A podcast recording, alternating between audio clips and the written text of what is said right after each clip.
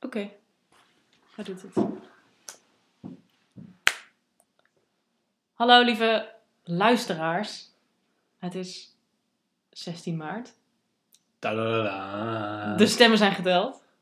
En Jon Klavi is de nieuwe minister-president van Nederland. Woehoe! Een enorme verrassing. Een enorme overwinning voor Een GroenLinks. Trumpiaanse verrassing. Ja, Justin Trudeau heeft er het nakijken bij. We hebben een 30-jarige premier. Het is fantastisch, toch? Dat is fantastisch. En hij heeft aangekondigd eh, een coalitie te gaan met eh, artikel 1 eh, en de PvdA.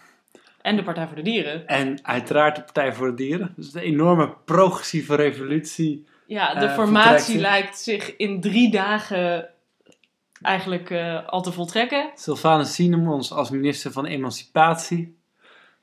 Het is fantastisch. Ja, Alleen is het natuurlijk echt totaal niet waar. nee, dat is een slechte grap van je favoriete politieke podcast, De Derde Kamer. Michiel, dit zou echt een goede plek zijn voor je bulderlach. Oh ja, sorry. Dat is niet op commando, hè? Nee, goed, maar het is dus, eh, het is dus de dag voor de verkiezingen en morgen eh, zijn eh, de Tweede Kamerverkiezingen. En we dachten, we nemen nog snel even een aflevering op, zodat we jullie eh, nog van wat eh, stemadvies kunnen voorzien. Zeker weten. En we nemen ook nog even kort de, de actualiteiten door. Want er is veel gebeurd de afgelopen tijd. Er is zeer veel gebeurd. Eh, Michiel, omdat we zo dol zijn op peilingen. Ja.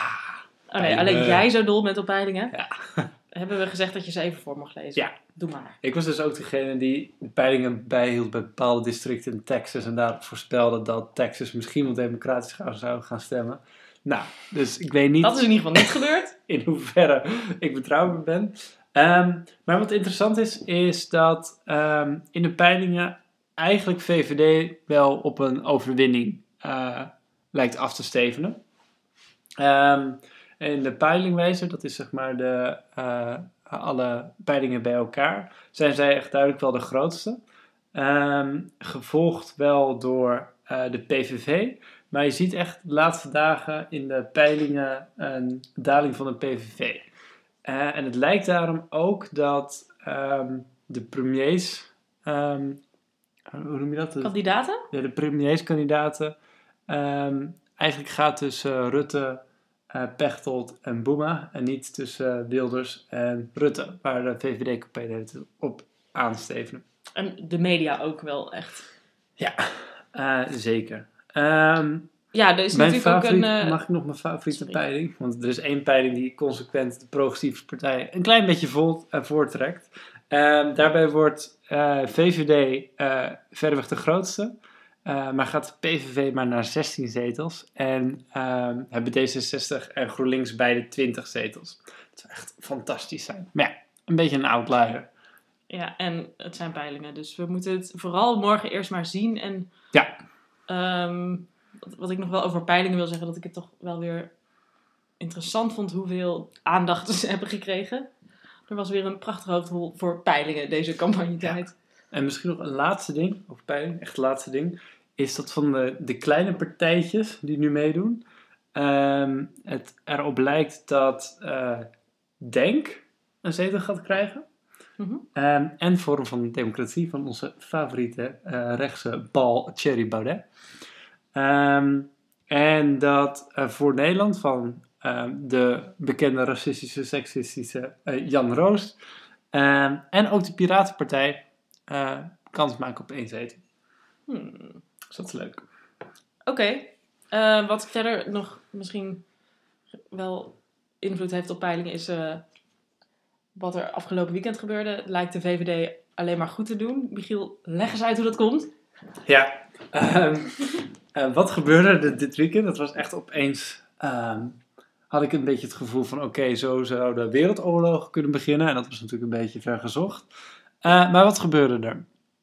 Eh, In Turkije wordt op dit moment een referendum georganiseerd. En het referendum gaat eigenlijk over een nieuw constitutioneel systeem in Turkije, waarbij Erdogan meer macht gaat krijgen. En daarvoor heeft Erdogan ehm, eigenlijk verschillende Europese landen ministers gestuurd, omdat ehm, me- mensen met een Turkse nationaliteit mogen stemmen. En daar leven veel mensen met een Turkse nationaliteit in Frankrijk, België, Nederland en Duitsland. Ehm, En ehm, die ministers kwamen dus hier politieke campagne voor. Daarop heeft de Nederlandse regering gezegd dat ze hier niet welkom zijn, omdat ze niet willen dat ze hier politieke campagne voeren. En ehm, dit komt natuurlijk ook omdat het de laatste tijd in Turkije eh, er nogal ondemocratisch aan toe gaat. Ehm, echt duizenden academici zijn eh, ontslagen die eh, kritiek hadden op Erdogan. Eh, de politie is hervormd. Het, het zijn allemaal natuurlijk dingen die, waarop het lijkt dat Turkije steeds ondemocratischer gaat. En daarnaast is het natuurlijk een beetje vreemd om in een ander land politieke campagnes te voeren. Dat gaat een beetje in tegen de soevereiniteit van eh, landen. Maar waarom is dat vreemd? Eigenlijk zag je bij de Amerikaanse verkiezingen toch ook. Ook al is het, het is misschien niet letterlijk campagne, maar er is wel heel veel aandacht voor geweest. En ehm, beïnvloeding ook van buiten. Ja, maar het is niet dat regering, regeringsleiders, zeg maar, echt in Nee. een ander land campagne gaan voeren. En dat is ook een beetje Nee. een gentleman agreement dat je dat niet doet. Ik kan Hm. het wel toelaten. Is dat zo? Oké. Ja, ja. Het is ook zo dat bijvoorbeeld ehm, Obama zich niet uitliet over verkiezingen. Ehm, hij heeft natuurlijk wel over de Brexit dingen gezegd. Maar hij heeft, eh, ze proberen wel diplomatiek te zijn, zeg maar. Je Ja, probeert ja, niet ja, in te mengen in de andere, ehm, eh, eh, zeg maar, in de politieke sfeer van een ander land. Ook een beetje een ouderwetse gedachte, toch? ja, maar als je kijkt naar zeg maar, het internationaal recht, mag je als, ehm, als land, zeg maar, zeg maar, mag je ehm, de komst van andere regeringsleiders gewoon weigeren. Dat is gewoon, juridisch mag dat, zeg maar. Er zit een, Altijd. Ehm, maar je mag bijvoorbeeld niet burgers weigeren. zeg Maar dus het is het verschil tussen burgers en regeringsleiders. Ah, En dat is ook wel logisch. waarom is dat logisch? Ehm, omdat je geen interventie van andere landen in je land zou willen. Ja, maar ja, ja. ja, ja. zoals vluchtelingen en zo moet je misschien wel toelaten. Eh, maar we gaan niet te veel in het recht. Ehm, En Dat, eh, waar, waar we dit over begonnen is omdat het de VVD in de Shit. peilingen nog, nogal goed doet. ik wijk zo af en toe echt totaal af van het Ja, onderwerp. klopt. Ehm, maar ja, wat gebeurde er? Rutte kon daadkrachtig optreden. Eh, dat is wat wij willen zien in een politieke leider. Zeker. Daadkracht en leiderschap. Ehm, hij stelde uh, Turkije mag geen eh, campagne voeren in Nederland. De mensen vonden het eigenlijk prachtig. Ehm, hij had wat heerlijke quotes, zoals eh, Turkije is een trots land, maar Nederland is dat ook. Hij kon zich echt presenteren als de, de leider van Nederland. Ehm, eigenlijk waren ook alle politieke partijen het eens met eh, het optreden van Rutte. En de media ook. Ehm, de enige partij die er wat schoorvoetend tegenaan ging was Denk. Maar ook zij gaven aan eh, voor de-escalatie, zeg maar, tussen het conflict ehm, te pleiten. Eh, wat er dus eigenlijk ook voor zorgt dat alle politieke partijen opeens moesten erkennen: ja, Mark Rutte is de leider en Mark Rutte heeft goed opgetreden. Ze mochten dan in de nuance wel kritiek hebben. Maar het zorgde er eigenlijk voor dat in het hele weekend wordt gesproken over het leiderschap van Mark Rutte. Ja, en- dat, eh, Uh, ook nog eens wordt benadrukt dat Mark Rutte de Nederlandse identiteit en de Nederlandse democratie, democratie beschermt. Dus dat doet het ontzettend goed ehm, bij zevende kiezers, zeker op het rechtse vlak. Ja. Dat zie je ook wel weer terug in de peilingen. De P- eh, PVV daalt, VVD stijgt. ja, eh, ik werd er ook best wel cynisch van. Dat wil ik nog even Waarom? zeggen. Ja, omdat het, zo, omdat het dus zo'n... Toevallig. Ja, en, en Ja. totaal voor de campagne wordt gebruikt. En, en ja, omdat het toch echt zo is dat hoeveel aandacht je krijgt, hoe meer aandacht je krijgt, hoe meer eh, mensen op je gaan stemmen. Simpelweg doordat je veel aandacht krijgt. Bedoel, de meer aandacht voor Ja. Rutte betekent minder aandacht voor Geert Wilders Ja. bijvoorbeeld. En dat zie je gewoon. Ja. En dat vind ik cynisch. Ja. Ehm, maar goed, we hebben het er nu al veel te lang over. Ja, ook eh, belangrijk de actualiteiten bijgehouden. Ja, ik wilde nog twee dingen vermelden die ik heb geleerd dit weekend. Namelijk, ehm, we hebben nog nooit een minister gehad in Nederland met een migratieachtergrond. En ik heb ook geleerd dat dit het eerste kabinet is dat de rit heeft uitgezeten sinds 1998. Dat waren de feitjes. Dan wil ik het nu graag Ah. hebben over het jeugdjournaal debat, waar ik naar gekeken heb. En wat ik echt heel leuk vond. Ehm, er waren eh, zes meneren. Drie daarvan hadden een das om en drie daarvan niet. En ehm, zij gingen met elkaar in debat over vragen die kinderen stelden. En eh, nou, er was een leuke dobbelsteen met alle hoofden erop en er was een kwartetspel. En er gebeurden allerhande leuke dingen. En wat was opvallend wat je hebt geleerd van het uh, jeugdjournaal debat? Dat eh, politici mensen zijn en dat ze ook iets anders kunnen doen op televisie dan een toneelstukje spelen. Maar op- ze kunnen, ze kunnen dus blijkbaar wel oprechte antwoorden geven. Dat deed me erg goed. En eh, ik vond vooral ook interessant dat Buma toch probeerde aan kinderen van, nou ja, hoe oud waren ze? Acht, uit te leggen wat normen en waarden zijn. Heel nobel, meneer Buma. Eh, we hebben ook geleerd dat ehm, Mark Rutte het mooiste aan zichzelf zijn haar vindt. Nou, hij heeft ook mooi haar, dat mag best gezegd. We hebben daarnaast geleerd dat Pechtold meer dan 100.000 euro per jaar verdient. Dat vroegen de kinderen ook. Dat vond ik ook interessant. Oh, als Kamerlid natuurlijk gewoon. Ja, het is Ja, een Kamerlid. ik denk het. salaris. Ik Ja, dacht klopt. wel echt, wow. Holy Mis- Misschien moet ik toch eens even serieus overwegen of ik niet de politiek in wil. Want Ja. Om obvious reasons. Ja. En Wilders eh, vond ik ook, eh, ja, die kwam ook echt als een, toch als een mens naar voren. En eh, de, de, de vraag van kinderen was, wat zou je als eerste doen als je niet zonder beveiliging over straat zou mogen? En toen vertelde hij dat hij dan graag in zijn auto zou willen rijden. En dat het eigenlijk niet uit zou maken waarheen, maar dat hij gewoon vooral in zijn auto wilde rijden. Wat toch wel weer echt Nice. aantoont dat die man echt een. Ja, we moeten niet vergeten dat die man een vreselijk leven heeft. Hij zegt ook vreselijke dingen, maar hij betaalt er ook echt een hoge prijs voor. Ja. Ehm, dat. Wat nog meer? Eigenlijk is het jeugdjournaal debat het beste en het leukste debat van alle debatten die er zijn geweest, toch? Ja, Omdat je wel echt een andere kant ziet van... ja je ziet een andere kant en je, ze worden een beetje ontmanteld in dat toneelstukje wat ze Ja. de hele tijd met elkaar spelen. Omdat dat, ze, ze komen, politie komen gewoon vaak niet voorbij dat, ja echt, het is echt een toneelstukje wat ze spelen. En, en eh, daarom zijn die debatten ook zo raar. Het zijn, eh, ze gaan niet echt, echt op elkaar in. Alles is al afgesproken van tevoren. Ze hebben dingetjes uit hun hoofd geleerd. Er is gewoon heel weinig ruimte voor oprechtheid. En eh, ja, dat was hier wel. En dat vond ik echt leuk om te, om te zien. En, Ja, eh, ja, kinderen hebben ook gewoon best wel interesses. En die vroegen ook hoe het met het klimaat gaat. En eh, ja, ik vind het, eh, vond, ik, vond ik goed gedaan. Dus props voor het jeugdjournaal debat. cool. En dan... ehm, Oh ja, nog één ding. Roemer, er was ook een vraag, ben je wel eens jaloers? En toen zei Roemer dat hij wel eens af en toe vond dat de andere Kamerleden het echt goed deden. Ah, zo lief. Ja, zo lief. Dus, Ook. oké. Dan nu.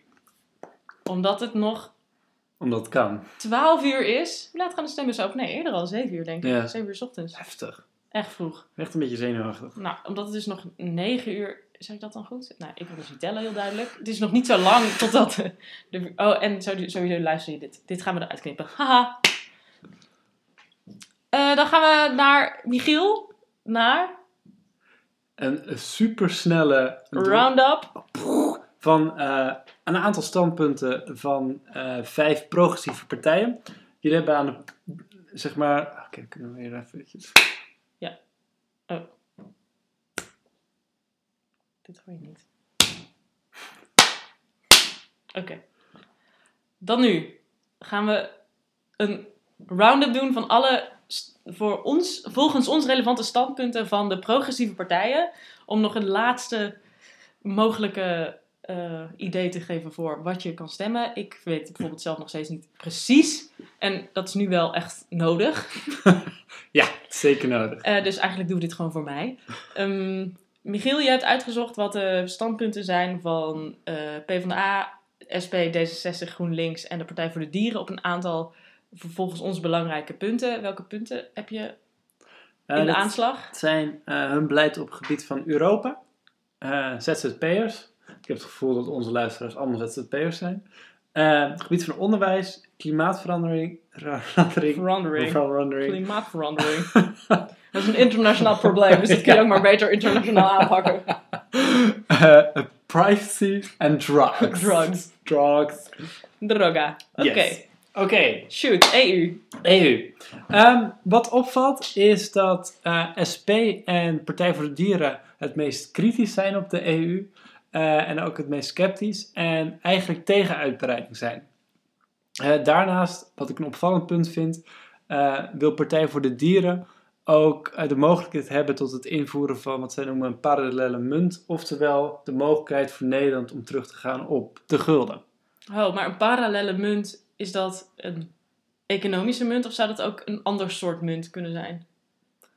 Ehm, dus ze bedoelen hier wel echt, ze hoeven niet per se terug naar de gulden, maar wel een andere alternatief voor eh, de euro, maar wel echt een financieel Een financieel, oké, Ja. ja. Eh, is ook heel erg de invloed van Ewald Engelen, hoogleraar economische geografie aan de UvA, die heel erg kritisch is op de EU. Er zit een hele goede gedachte achter, denk ik. Ehm, daarnaast zijn, eh, is PvdA en eh, GroenLinks willen wel uitbreiding van de EU, maar alleen naar richting Oost-Europa. En is D66 eigenlijk de meest pro-Europese partij eh, en zou zelfs uitbreiding naar alle landen die aan de voorwaarden van de EU voldoen. Ehm, dus dat is een beetje de gradaties van EU-standpunten. Mhm. Ehm, op het ZZP. ZZP, yes.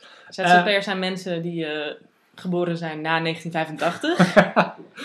ja, Ehm, ZZP'ers. ehm, je ziet hier een duidelijk verschil tussen ehm, de verschillende partijen en D66.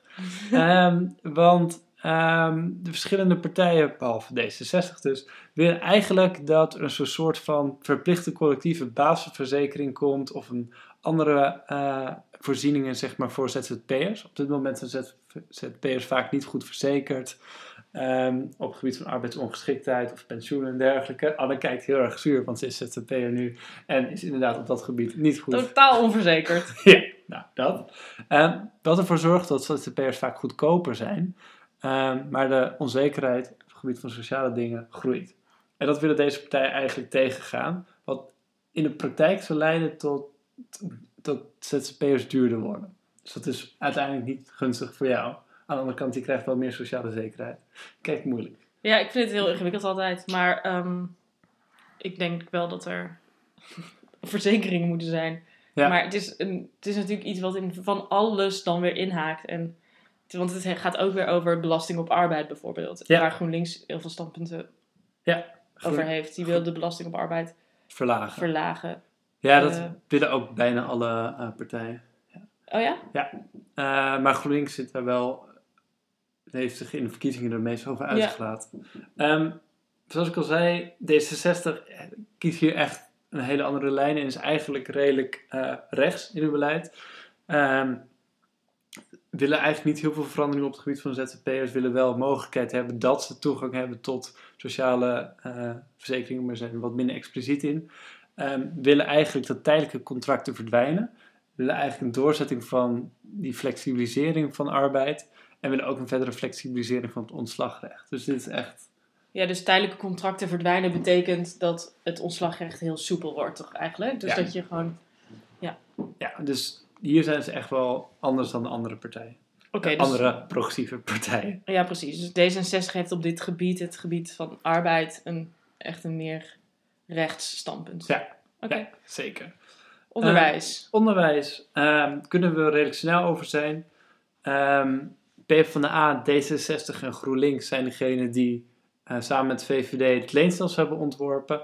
Eh, wat betekent dat de basisbeurs verdween voor studenten. Ehm, en houden hier eigenlijk aan vast. Ze willen wel iets wat meer eh, basisbeurzen zeg maar, voor mensen met minder inkomens. Maar houden vast aan het leenstelsel.